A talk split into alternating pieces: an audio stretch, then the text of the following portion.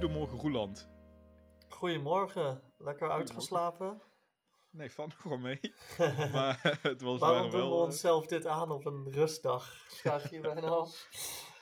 eh, Oh. ja, tweede rustdag achter elkaar. Dag, eh, WK dag 19 officieel, maar wederom een dag waar dan niet op gespeeld wordt.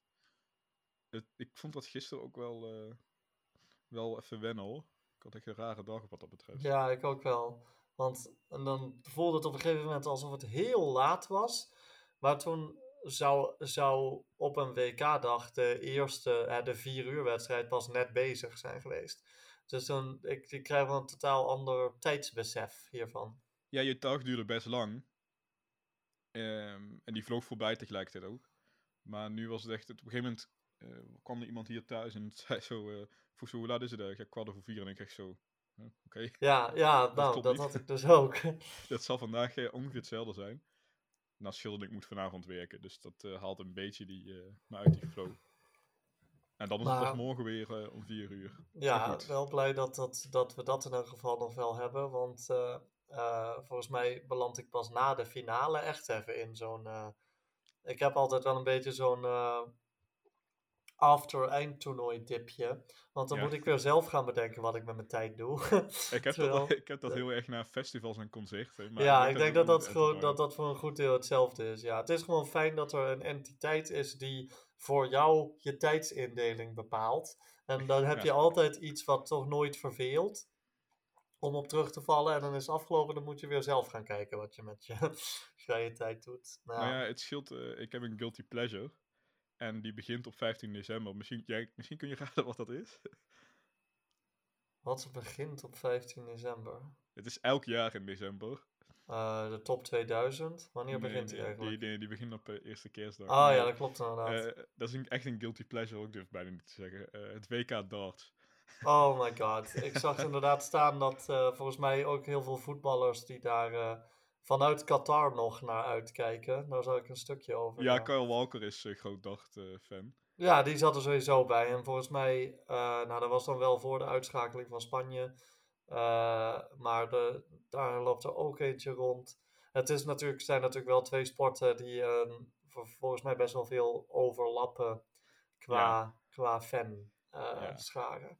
Ja, dat klopt zeker. Eh, die, je, wat je daar ook ziet dan eh, in Alexandra Palace, zo heet dan, die, eh, die, die zaal waar echt elke wedstrijd gespeeld wordt. Ja, dat is inderdaad gewoon een soort, een, een soort voetbalpubliek wat daar komt. En die komen alleen maar om te zuipen. Ja. En om te schreeuwen als er, een- als er een eh, 180 gegooid was. En toch is het een guilty pleasure voor mij. Het hoort Maar voor mij gewoon heel erg bij. Darts, darts vind ik ook echt een sport die logisch is om in de winter te kijken. Ja, ja, ja, die ga ik, dat kijk ik het rest van het jaar echt niet hoor. Ja, maar bij, bij het WK zit ik toch soms nog. Het, het blijft toch een beetje raar voelen. Ik ben inmiddels wel gewend aan eh, dat we nou niet eh, de, de barbecues en met z'n allen lekker in het zonnetje op het museumplein. Niet dat ik dat ooit gedaan heb of ooit de intentie heb om dat te gaan doen. Maar je, ja, je zou het kunnen doen in de Je zomer. kent de beelden, zeg maar. Precies, maar met, met dit weer gaat niemand het doen. Alleen het wordt steeds kouder en kouder en kouder. En ik zet steeds vaker een kop thee of eh, warme chocomel. ehm, als ik eh, eh, die wedstrijden zit te kijken. En dan ehm, merk ik eigenlijk dat sommige mensen dat veel fijner vinden dan in de zomer. Want hun argument is dan van ja, in de zomer kan je eigenlijk beter gewoon een stukje gaan fietsen of, of met vrienden ergens naartoe, dagje uit. Als het lekker weer is, wil je eigenlijk geen voetbal zitten kijken op je bank. Eh, dus daarom houden zo deze winter-WK's. Aan de andere kant, ehm, eh, ik eh, eh, moet er dan denk ik gewoon nog wel heel erg aan wennen. Als ze dat zouden doen. En bovendien is dat natuurlijk een heel eurocentrisch beeld. Want eh, het is nu zomer in Australië en in Argentinië. Ik bedoel, daar is het WK altijd in de winter. En mogen ze nou eindelijk een keertje met een barbecue en eh, volle pleinen in het zonnetje eh, het WK, van het WK genieten. Dus als we dit. ehm, eh, je, je doet het altijd. Je doet het nooit voor iedereen goed, snap je? Nee, dat is zeker zo. Maar dan gewoon eens kijken naar bijvoorbeeld een EK. Het zou onmogelijk zijn. Ehm, omdat je dan ook weer rekening moet houden met alle spelers uit bijvoorbeeld Zuid-Amerika, Afrika. Ehm, maar ik, ik bevalt mij namelijk ook wel. Ehm, in de zomer heb je gewoon best wel veel leuke dingen te doen. Ik heb dan, je hebt elk weekend wel weer iets op de planning staan. Je pakt snel een terrasje, je gaat naar een eh, festival. En dat is in de winter gewoon niet zoveel. En dan is dit wel lekker vermaak, vind ik eerlijk gezegd. En dan met die kou zit je toch wel al binnen. Ehm, het geeft, er, is, er zijn nu niet zo heel veel leuke dingen. Nou ja, wat ik net zeg, het WK darts begint bijna.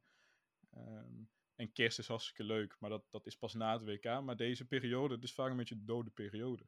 Maar ik vind het wel lekker dat we nu dit, eh, dit eh, WK hebben.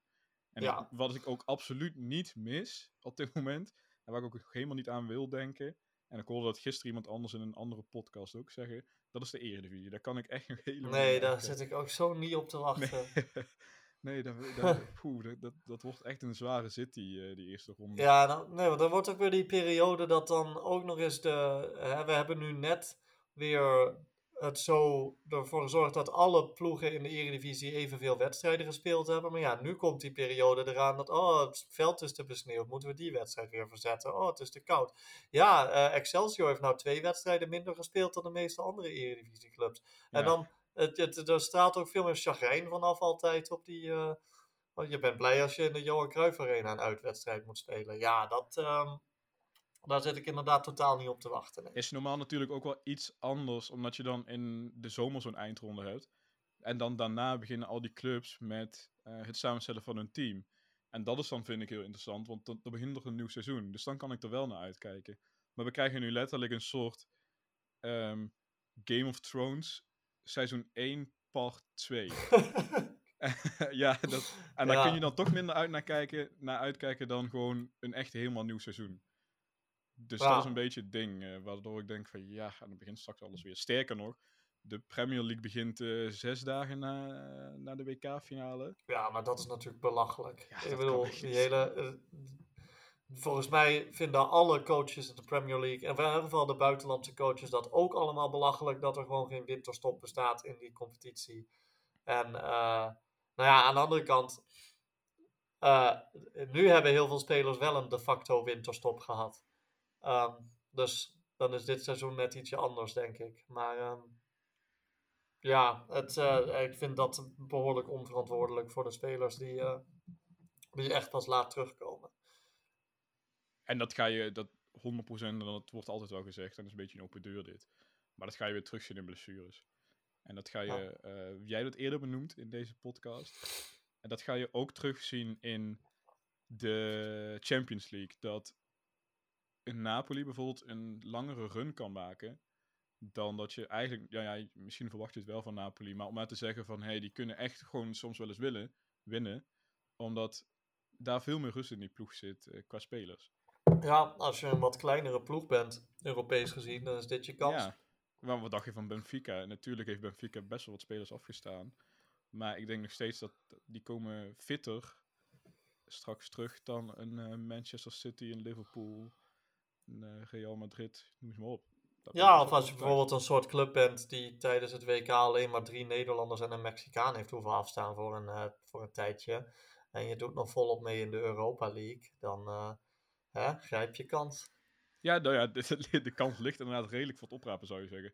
Maar dat kan nog een vertekend beeld zijn hoor. Wie weet, wat er in feb- februari is nog lang wat dat betreft. Ja, we zullen het uiteindelijk wel zien. Ja, Maar wat die, nog die hele winterkwestie betreft, ehm, ik, eh, je zou ook kunnen zeggen, we doen gewoon eh, het EK in de winter en het WK in de zomer. Dan hebben de mensen die het één fijner vinden, eens in de vier jaar eh, hun zin. En de andere mensen de twee, eh, eh, ook diezelfde cyclus, maar dan twee jaar later.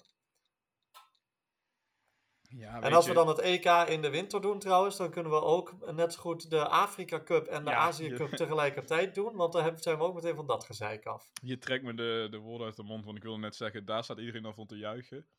Maar tegelijkertijd zijn er diezelfde mensen die dan zeggen, ja hallo, de Afrika Cup, we hebben Haller gewoon nodig. Ja, precies. Dus eh, ja, daar kun je Nogmaals, eurocentrisch beeld. Zeker. Ehm, ik had het net over eh, het samenstellen van de ploeg. Nou komt er natuurlijk gewoon, eh, komen nog wintertransfers aan. En die zullen, denk ik, meer zijn dan ooit, omdat je hebt een soort stop gehad. Waarin je opnieuw kunt gaan kijken wat missen we. En je hebt echt de tijd om daar iets nieuws in te investeren. Plus er zijn heel veel spelers in beeld gekomen door het WK. Eh, dus er zijn wel wat nieuwsgeruchtjes. Eh, een paar noemenswaardige vind ik. Dit was er al eentje die langer in de lucht eh, zat. En nu door het WK nog wat meer vorm krijgt. Dat is Hakim Ziyech naar AC Milan. Voor 15 miljoen euro is het gerucht. Oké. Ja, dat, ik vind 15 miljoen nog wel weinig, eerlijk gezegd. Maar Ja. aan de andere kant, hij is 29 of misschien zelfs al 30. Ehm, en hij zal een salaris op gaan strijken van tussen de 4 en 4,5 miljoen. Ja, eigenlijk is het een best wel logische transfer. Als je kijkt hoe AC Milan speelt eh, de afgelopen nou, twee jaar, laat ik het zo zeggen. Alleen, ik merk dat ik in mijn hoofd nog steeds dat beeld heb van dat super houterige AC Milan van de afgelopen tien jaar. Eh, dat ik meteen in, in mijn hoofd zo'n reactie had van, huh, een kleurrijke speler als Hakim Ziyech, die, die eh, wat heeft die daar te zoeken? Maar eigenlijk is het best wel logisch. Ja, dat, en, en eh, ik vind dat dus echt een hele leuke club voor. Maar ja, dat is, dat is wel bekend. Ik heb een beetje een zwak voor Milan door, eh, door de spelers die daar gespeeld hebben. En een Niet door gerucht- Berlusconi. Nee, onderstrepen we toch maar even. Nee. wel door iemand anders die, waar je nu ook eh, je vraagtekens bij kunt zetten. KK, maar dat is gewoon qua Ja. voetballen een van mijn favorieten ooit. Dat doe ik ook zeker. Daar vraagtekens bij zetten. Maar ga door. En terecht. Ehm, nou ja, we hebben, deze, we hebben al veel gehad over deze jongen. eh Soufiane Amrabat. Dit, vind, dit, dit is een beetje wat ik benoemd heb, al zeg ik het zelf. Ehm, Liverpool lijkt in de race te zijn voor hem. Omdat Klopp Hey. overtuigd is geraakt van de kwaliteit van de middenvelder. Ehm, en die zou hem zo snel mogelijk naar Anfield willen halen. Jelle het orakel. Eh, ze schijnen wel concurrentie te hebben, natuurlijk. Maar onder meer van Hotspur en van Inter. Ik nou, hoop dan zelfs- zou ik het wel weten. Ja, ik, zou het, ik had het ook wel geweten. Eh, Ja. Inter, nee.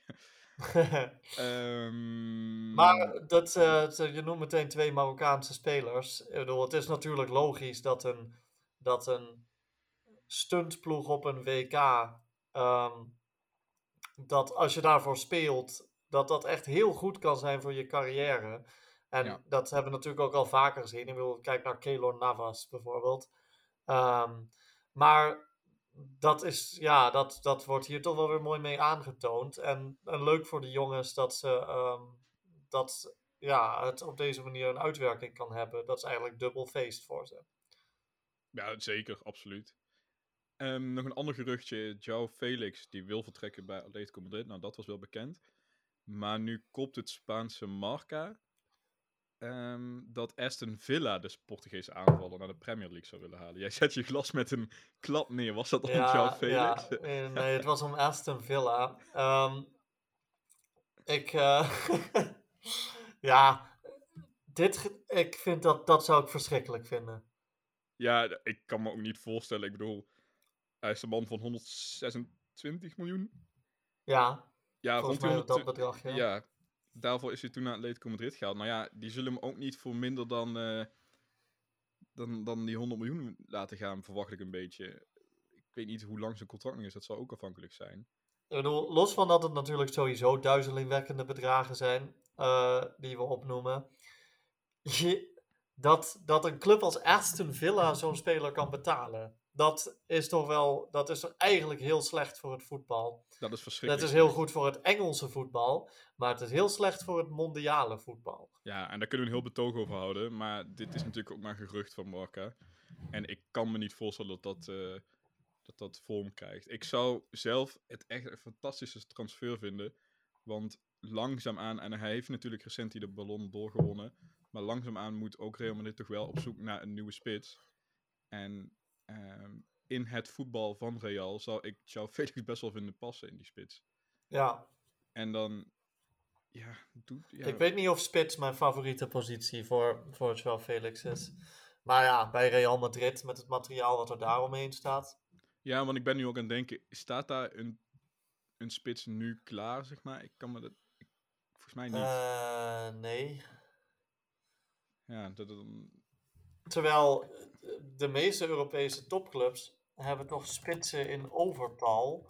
Ehm, en dan gebruiken ze er dan maar één van. Dus ehm, ik denk dat er wel een hoop gegadigden zijn voor Real Madrid. Ik zie bij, ehm, eh, bij Manchester City Julian Alvarez bijvoorbeeld. Die is veel te goed om alleen maar een soort stand-in voor Haaland te zijn. Ja, dat is, eh, ja, dit is echt zonde. Aan de andere kant, hij kan dan nu ook best...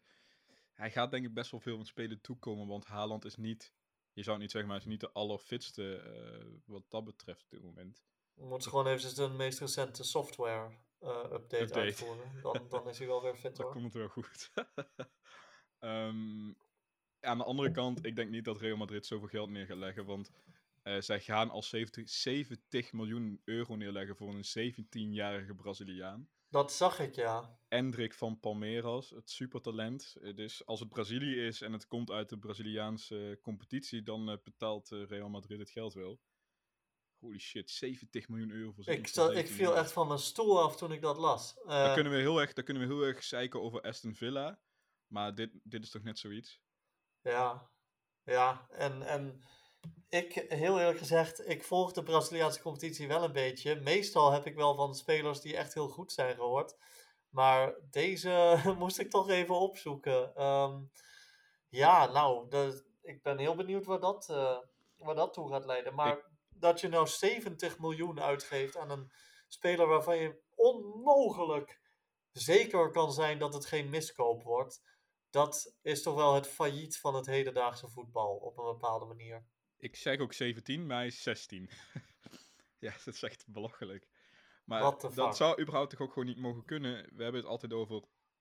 Nou ja, als je een film maakt, ehm, dan heb je heel erg rekening te houden met de, de wetten rond kinderen. Hè? Die mogen zo lang per dag op de set zijn, dus dan moet je heel erg veel schieten. Daar zit, moet je heel strikt mee omgaan, en terecht. Ehm, m- maar we, er wordt wel in het voetbal dan iemand voor 70 miljoen verhandeld van 16 jaar. Dat is ook nog iemand die niet volwassen is, toch? Dat, dat, Zeker, ja. Maar dat topclubs, ehm, als het op eh, kinderarbeid, want dat is het eigenlijk, aankomt, Ja. nogal van ehm, creatief boekhouden houden. Dat is wel al vaker bekend geweest. Er zijn een aantal clubs al die eigenlijk om die reden dan een eh, transferverbod gekregen hebben voor een seizoen of twee. Ehm, ja, als er iemand heel getalenteerd is, het laatste wat je wilt als grootmacht in het voetbal is achter het net vissen. Omdat je eh, eerst, omdat je alles via de gebaande paden wil doen. Wat natuurlijk ook moet. Maar dat is, het is als, als de, de technische staf of gewoon een coach, de scouting van een enorme club, iemand zien waarvan zij er overtuigd van zijn dat hij ze heel succesvol kan maken, nog succesvoller dan ze al zijn, dan verblindt dat gewoon. ja, ja ik, ik vind het echt, het is echt ongelooflijk. En dan klink ik misschien als een beetje als een boomer. En er gebeuren wel gekkere dingen in het voetbal wat dat betreft. Maar 70 miljoen voor een kind eigenlijk, ja, ik weet niet of je dan... eh, je, kunt, je legt dan ongelijk zo ongelooflijk veel druk op de schouders van het, eh, van het kind. Dat kan... Kijk, als het misgaat, dan, dan, dan gaat het toch ook gewoon helemaal mis met zo'n mens. Dat, dat kan niet goed eindigen, als je snapt wat Ja. ik bedoel. Ja, nee, zeker. Ehm, Nou ja, eh, ik ben goed. heel benieuwd wat we van Hendrik gaan zien. Hendrik eh, naar Real, dat lijkt wel eh, rond al rond te zijn met de En dat, koninklijke. dat werd een soort van anti-Mbappé-maatregel genoemd of zo, toch? Omdat, ik weet niet precies. Het, het lijkt ook een soort backup plan te zijn voor Real Madrid. Ehm, Ja, daar dus- lijkt het inderdaad dan wel op. ja, nou ja, dat, ik, ik word zowel van Paris Saint-Germain als van Real Madrid niet laaiend enthousiast qua clubs. Dus eh, wat Nou ja, ja, doet in zijn dat heb leven. Dat heb ik wel iets anders, want ik vind nog steeds... Natuurlijk geven zij ongelooflijke bedragen uit bij Madrid. Maar er zit wel... Ik, je, je kunt niet anders zeggen dan dat er bij Madrid echt heel goed beleid achter zit. Perez heeft het daar gewoon echt heel goed op orde. Los van dat hij een ongelofelijke zak is. Ja, dat is, je kunt, er is heel veel mis aan, maar het beleid van Madrid, het is de best gerunde club van de wereld. En dat al voor Ja, echt lange ja. tijd. Nou ja, dat interesseert me eigenlijk vrij weinig. De enige reden dat ik, het, dat ik Mbappé liever bij Real Madrid zou zien dan bij Paris Saint-Germain, is omdat er meer interessante competitie is in La Liga dan in de Liga. Maar verder, Ja, verder heb ik het, voel ik het allebei gewoon niet Het zo. is een interessante competitie, maar het is ook niet meer wat het vijf jaar terug was. nee, maar dat zijn. wordt wel ooit weer wat het vijf jaar terug was. Ik ben benieuwd of ze dat... eh, dat zal vast inderdaad. Dat, eh, misschien moeten we daar gewoon niet aan twijfelen. Heb jij nog meer transfers of gaan we het hebben over iemand die blijft? Eh, nou, ik, we hadden het over Spanje.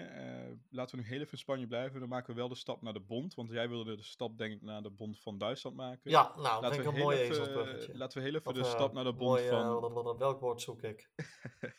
Ja, het Mooie segue, laat ik het zo zeggen. Kijk, Mooi Ehm, bruggetje gewoon. Niks, ja, gewoon geen een ezels, bruggetje. geen ezels, gewoon Nee. bruggetje.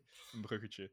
Ehm, heel even over de Sp- Spaanse bond. Eh, daar lijkt Luis Enrique toch wel echt te moeten vertrekken na de bakel tegen Marokko. En daar lijkt de opvolger ook al klaar te staan. Ik, hoorde, ik las eerst iets rond Marcelino, de huidige coach van Atletiek de Bilbao. Maar het lijkt nu Luis de la Fuente te worden. Die zal niemand echt kennen. Ik ken hem ook niet. Ik ook niet. Ehm, maar dat is een 61-jarige eh, coach die de afgelopen jaren trainer was van diverse vertegenwoordigende jeugdelftallen van Spanje. Dat weet Oeh. VI te melden. Ik ben heel erg fan van Luis Enrique. Maar ja, Nou. goed, ik wist aan de andere kant ook wel dat zelfs als ze wereldkampioen waren geworden, dan nog wilde hij eh, zijn positie wel ter discussie stellen. Ehm, en eh, ja, dus ik ben gewoon benieuwd of deze nieuwe persoon Spanje wel aan het voetballen kan krijgen. Maar ik denk dat als je toch stiekem je baan wel wil houden, dan moet, moet je geen dingen roepen als ja, we hebben, al mijn spelers hebben duizend penalties gestraft bij hun club, dus ik garandeer je dat dat niet misgaat of zo. Nee, dat zijn inderdaad niet de handigste uitspraken. Eh, ook niet per se wat je van hem verwacht, toch? Van Enrique. Ja, nee. Maar er komt er wel een gigantische coach vrij voor het clubvoetbal, hè? Ja, ja, ik bedoel, dat is wel het is niet dat je Luis. Enrique af moet schrijven, verre van. Ik bedoel, hij heeft een Barcelona middenveld wel aan het voetballen gekregen, wat Xavi niet kreeg. Maar daar heb ik al een betoog over gehouden. Maar goed, dat, eh, dat lijkt zich te ontwikkelen bij de Spaanse bond. Jij hebt iets over de Duitse bond. Ja, nou, eh, het is bij de Duitse bond behoorlijk eh Bijltjesweek geweest. Ehm, want er zijn best wel veel mensen opgestapt bij de DFB, nu ze weer niet door de groepsfase gekomen zijn. Het bekendste of belangrijkste voorbeeld is eigenlijk Oliver Bierhoff, de grote voorzitter bij de bond, die ehm, Zat er 18 jaar of zo? Ja, die zat er echt al heel lang. Die is nou eh, afgezwaaid. Maar Hansi Flick heeft een ehm, eh, heel heftig gesprek over zijn functioneren. Als je beeld mag geloven. En beeld dekt het altijd een beetje aan. Dus het zal wel gewoon een, een normaal gesprek zijn geweest. Eh, maar hij heeft het hoe dan ook overleefd. En hij mag blijven als bondscoach. En ik vroeg me af, Jelle, is dat terecht? Ja, Vind ik ook. maar Ik vind Ja, het een interessantere vraag welke spelers er wel of niet nog geselecteerd zouden moeten worden voor Duitsland. Maar dat hij de juiste persoon is om het te doen, dat denk ik wel. denk ik ook. En dat klinkt heel pijnlijk, maar het is, en hij heeft eigenlijk zijn eigen afscheid al aangekondigd. Eh, Thomas Müller is wel klaar nu. Ja, Bij, eh, de, bij Bayern nog niet. En dan kan hij echt nog prima dit seizoen mee. Misschien nog wel een seizoen. Alleen dan iets meer vanuit de reservebank. Maar bij het Duitse nationale elftal zou ik zeggen, eh, Wiedersehen. ja maar Müller is ook niet iemand waar de Duitse media ehm, over twijfelen. Maar wat wel een heet hangijzer is, is ehm, moet Manuel Neuer blijven. ja, ja, kom op, ja.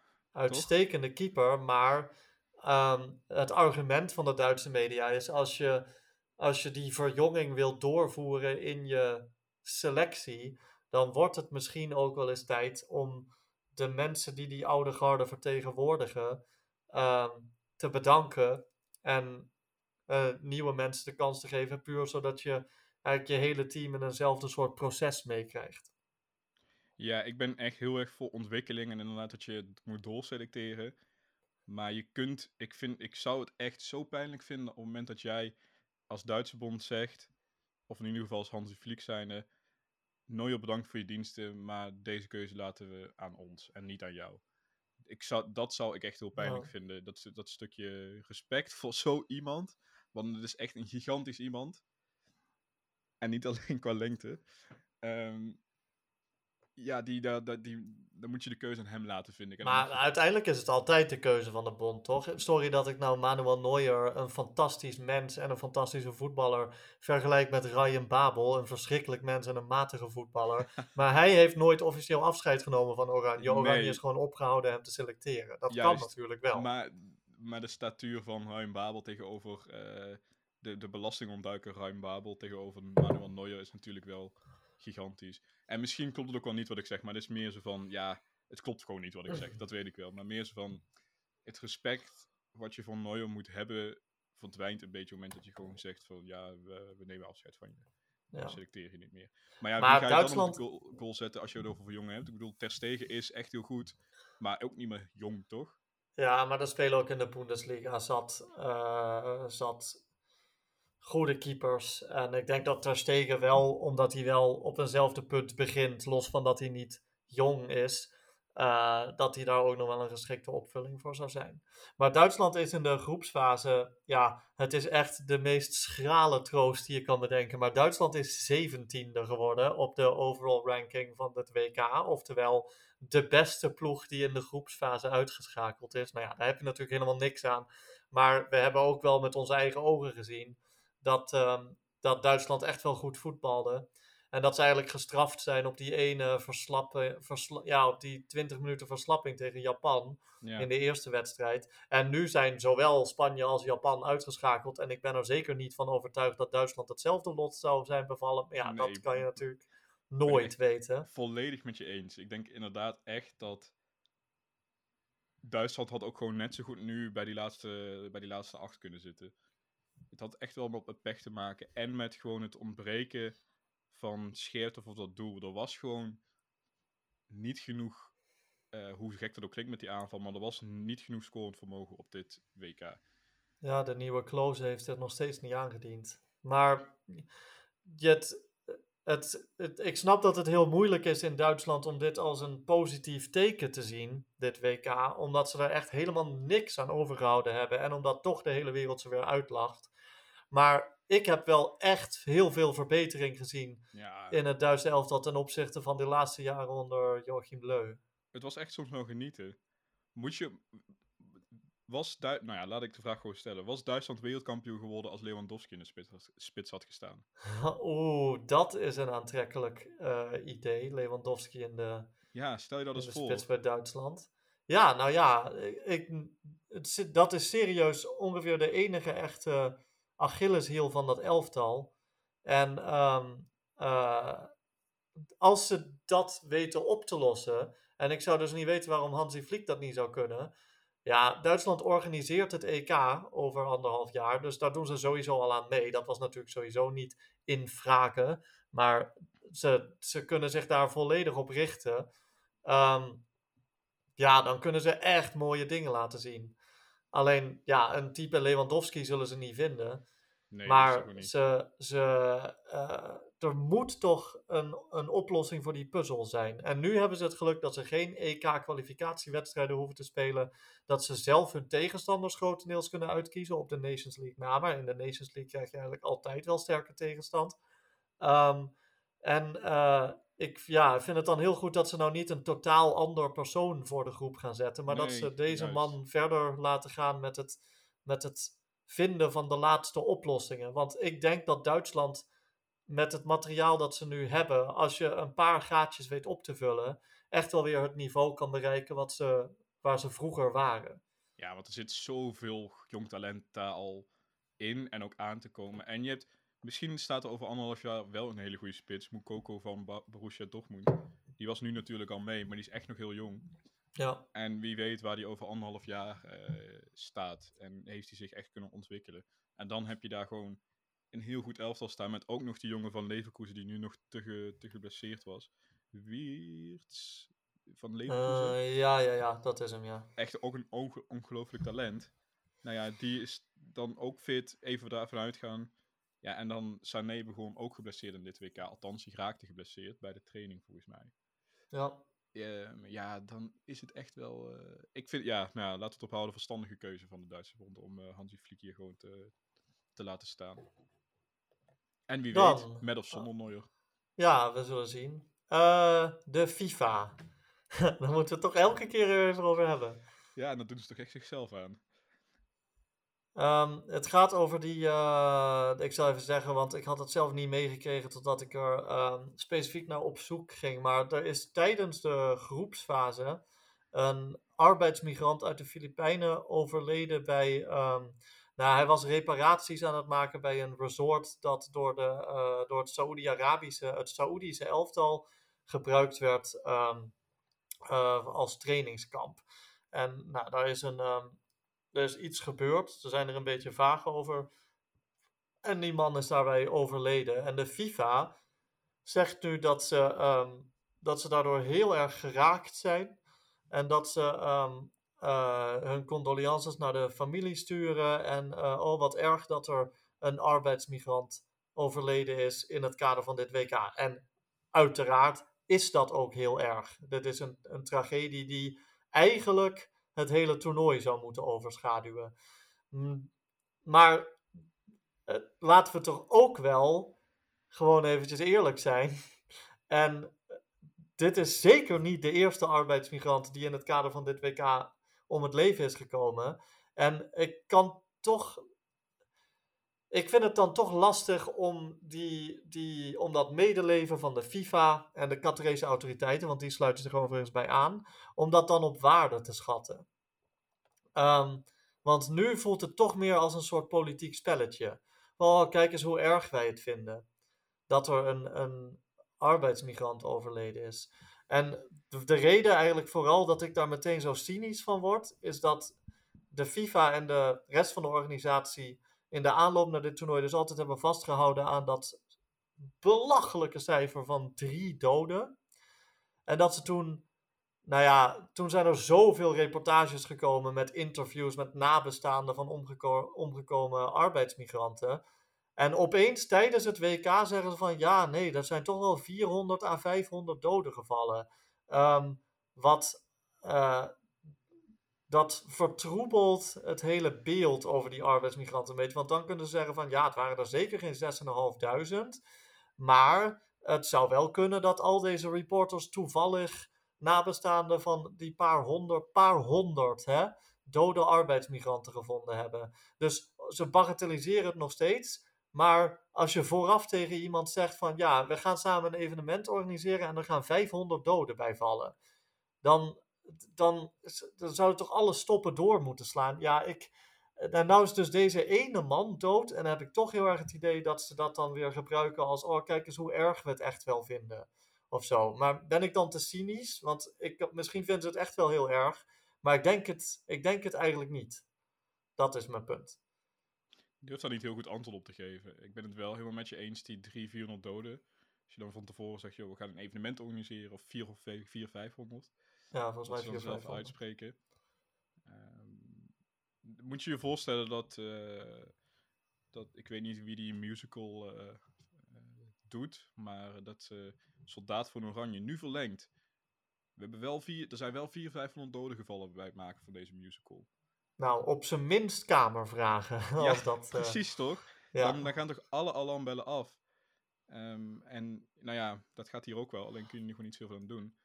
Deze man uh, komt uiteindelijk om het leven.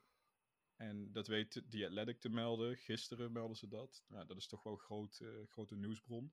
Toch niet heel veel overgenomen. Tenminste, jij, jij stuurde me die link door. Dat was dan op BBC. Ja. BBC News. Um, maar ik zie het nog niet in Nederlandse media zo snel. Ik weet nog dat ik tijdens het WK, in de aanloop naar het WK in Brazilië, toen was er nog een tijdje, waren er al bij verschillende stadions ongelukken gebeurd. Op een gegeven moment was er volgens mij ook ergens een dak ingestort in Cuiabá of zo. En uiteindelijk waren er volgens mij in totaal twaalf arbeiders omgekomen bij de bouw van die stadions. En dat, daar werd toen al schande van gesproken. Van, uh, oh, dat is eigenlijk dat is wel heel hoog. Um, en dit was nadat Qatar het WK toegewezen had gekregen. Hè? Maar uh, het, het lijkt wel, ja, ik, niet om nou Stalin te quoten, maar Stalin heeft dus ooit gezegd: One death is a tragedy, one million deaths is a statistic.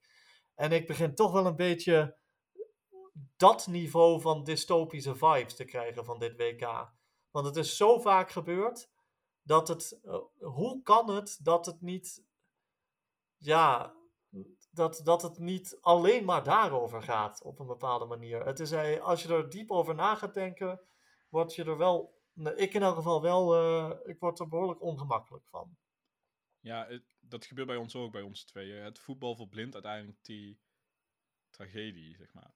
Ja, ik kan niet beweren dat ik tijdens Nederland tegen de Verenigde Staten ook maar één seconde aan dode arbeidsmigranten heb gedacht. Nee, precies. Dus ja, dat is een beetje wat het doet, het voetbal. Dus dat werkt eigenlijk heel goed. Ja. Als een soort rookgordijn voor alles wat daarachter gebeurt. En uh, ja, ik vond het ook wel bijzonder dat dan uh, in de NOS voetbalpodcast werd gevraagd aan uh, Kees Jongkind van, hey, heb je het gevoel dat je in de gaten wordt gehouden? Nee, eigenlijk helemaal niet. Nee, ik heb niet het gevoel dat iemand heet het achter me aanloopt. Pik, daar hangen 13.500 camera's daar. Ja, dat hoeven ze niet te doen. Dat hoef, je hoeft niemand achter je aan te sturen. Je wordt hartstikke hard in de gaten gehouden. Alleen via camera's. Ja, met maar... gezichtsherkenning. En het, hele ding is, jij kunt het wel niet zo voelen, maar jij vertrekt over een weekje. Props voor Jan Roelfs dat hij uh, dat verhaal vertelde over die Pakistaanse taxichauffeur waar hij mee gepraat had. En dat die taxichauffeur het blijkbaar verschrikkelijk vond in Qatar. En dat hij doodongelukkig was daar. Uh, want ik dacht wel even van, uh, ho ho, wat gaan we hier nou... Ja. alsof, alsof de geleefde ervaring van een westerse journalist in Qatar ook maar iets zegt over wat de, wat de situatie daar is. Dus heel goed dat, dat, dat Rolf toen kwam, ja, eigenlijk een weliswaar anekdotisch uh, verslag van een echt daadwerkelijke arbeidsmigrant in Qatar aandroeg. En dat die het eigenlijk helemaal niet zo naar zijn zin had daar. Ja, en jij bent inderdaad lekker aan het werken daar, Kees Jongkind. En terecht, doe lekker je dingen. Hij maakt echt wel leuke dingen.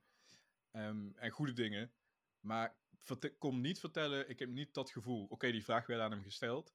Maar denk dan even na, er hangen 13.500 camera's. Jij vertrekt over anderhalve week. En je hebt nooit meer iets met die camera's van doen die mensen die daar wonen, die arbeidsmigranten enzovoort, wel. Die leven in een surveillance staat. Ja, in, in een soort uh, Big Brother-achtige... Jezus, wat een open deur, Jelle. Maar ja, uh, in een soort Big Brother leef je dan met, met allemaal die camera's. Dat is gewoon China in Qatar. En ja, je wordt wel degelijk in de gaten gehouden. Alleen heb jij er geen last van, omdat je over anderhalve week dat je weet dat je kunt vertrekken.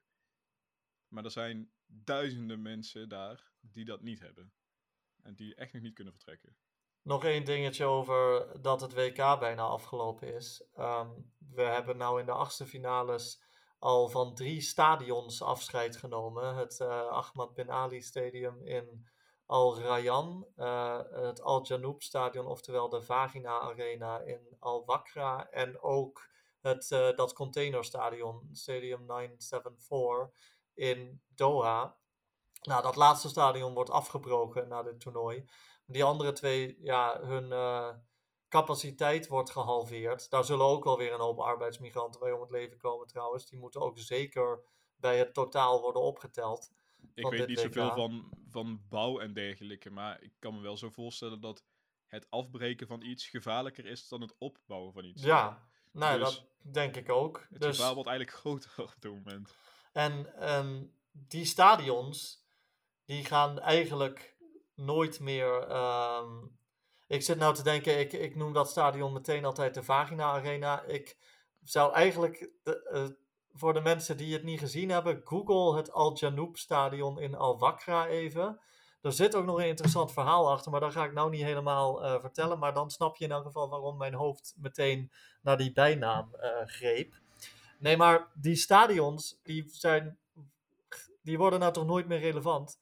Ik bedoel, in de kwartfinale heb je het Education City Stadium nog. En dat wordt ook gehalveerd in capaciteit. Dat ligt daar bij al die universiteiten. En na het WK wordt dat gebruikt door de sportploegen van de universiteiten die daar liggen. Nou ja, als ze daar 20.000 man voor op de tribunes weten te krijgen, dan vind ik dat heel knap. Laten we wel eerlijk wezen, dat is zo. Maar na een Olympische Spelen zie je ook zoveel dingen uh, verwoekeren. Uh, zwembaden, atletiekbanen die gewoon daarna niet meer gebruikt worden. Ja, maar ja, weet je wanneer je het niet ziet? Na het WK van 2006 in Duitsland. Nee, zeker waar. Dat is waar. Over de Olympische Spelen gesproken trouwens. Uh, het schijnt dus dat Qatar zich wil of heeft aangeboden om de Olympische Spelen van 2036 te gaan organiseren. Daar kun je dus dan, dan zo'n stadions wel degelijk voor gaan gebruiken, toch? Die kun je gewoon ombouwen tot uh, atletiekbanen, tot... Uh, nou ja, daar wordt ook gewoon gevoetbald op het... ik bedoel, toen, Bra ja, toen ja. Brazilië... Of toen eigenlijk toen Rio de Janeiro in 2016 de Olympische Spelen organiseerde. Toen werd er ver buiten Rio nog gevoetbald. Toen hebben ze ook dat stadion in Manaus, in, midden in het Amazonegebied, weer opgelapt. Van, oh, we hebben weer een excuus om dit stadion te gebruiken. Um, maar ja, dus dat zal dan zeker wel gebeuren als Qatar de Olympische Spelen toegewezen krijgt. Maar laten we toch in godsnaam hopen dat Qatar de Olympische Spelen niet toegewezen krijgt. Ja, maar het zou ook niet verbazen natuurlijk. Ik denk dat de vraag daarbij vooral is, uh, werkt het IOC met um, ieder, iedere lidstaat één stem of met een uitvoerend comité van 22 mensen die om te kopen vallen? Ik heb werkelijk geen idee. Nou ik, ja. ik, ik, ga toch wel een beetje uit van het eerste. Ik hoop het maar. We hebben toch weer uh, dik 40 minuten volgeluld op deze. nou ja, dat was uiteindelijk van tevoren denk je, wat valt er eigenlijk te bespreken, maar er valt genoeg te bespreken. Wat gaan we morgen eigenlijk doen? Laten we dan uh, laten we morgen even gaan kijken. Nou ja, even, daar kunnen we ook gewoon de tijd voor nemen. Maar uh, goed vooruitblikken op de achtste kwartfinales. Ik raak door de war. Um, want wij zijn er op zaterdag dan weer niet. Dus dan ja. hebben we vier kwartfinales om naar uit te kijken en vol te beschouwen. Waar we toch ook al wat, uh, waar heel wat interessante wedstrijden tussen zitten. En we hebben ze al een keer voorspeld, dat hebben we gisteren gedaan, maar we kunnen nog een keer gaan kijken. Ja, toen gingen we er ook helemaal niet diep op in. Nee, dus daar kunnen we morgen lekker diep op ingaan. En dan zijn wij daarna maandag ook weer terug om de nabeschouwing van die, uh, van die kwartfinales te doen. Het loopt op zijn eind.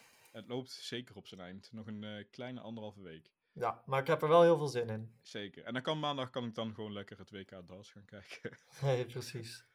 Goed, bedankt voor je tijd. Bedankt voor je inzichten en dergelijke. Jij bedankt voor het luisteren en uh, tot morgenochtend. Doei, doei. Doei.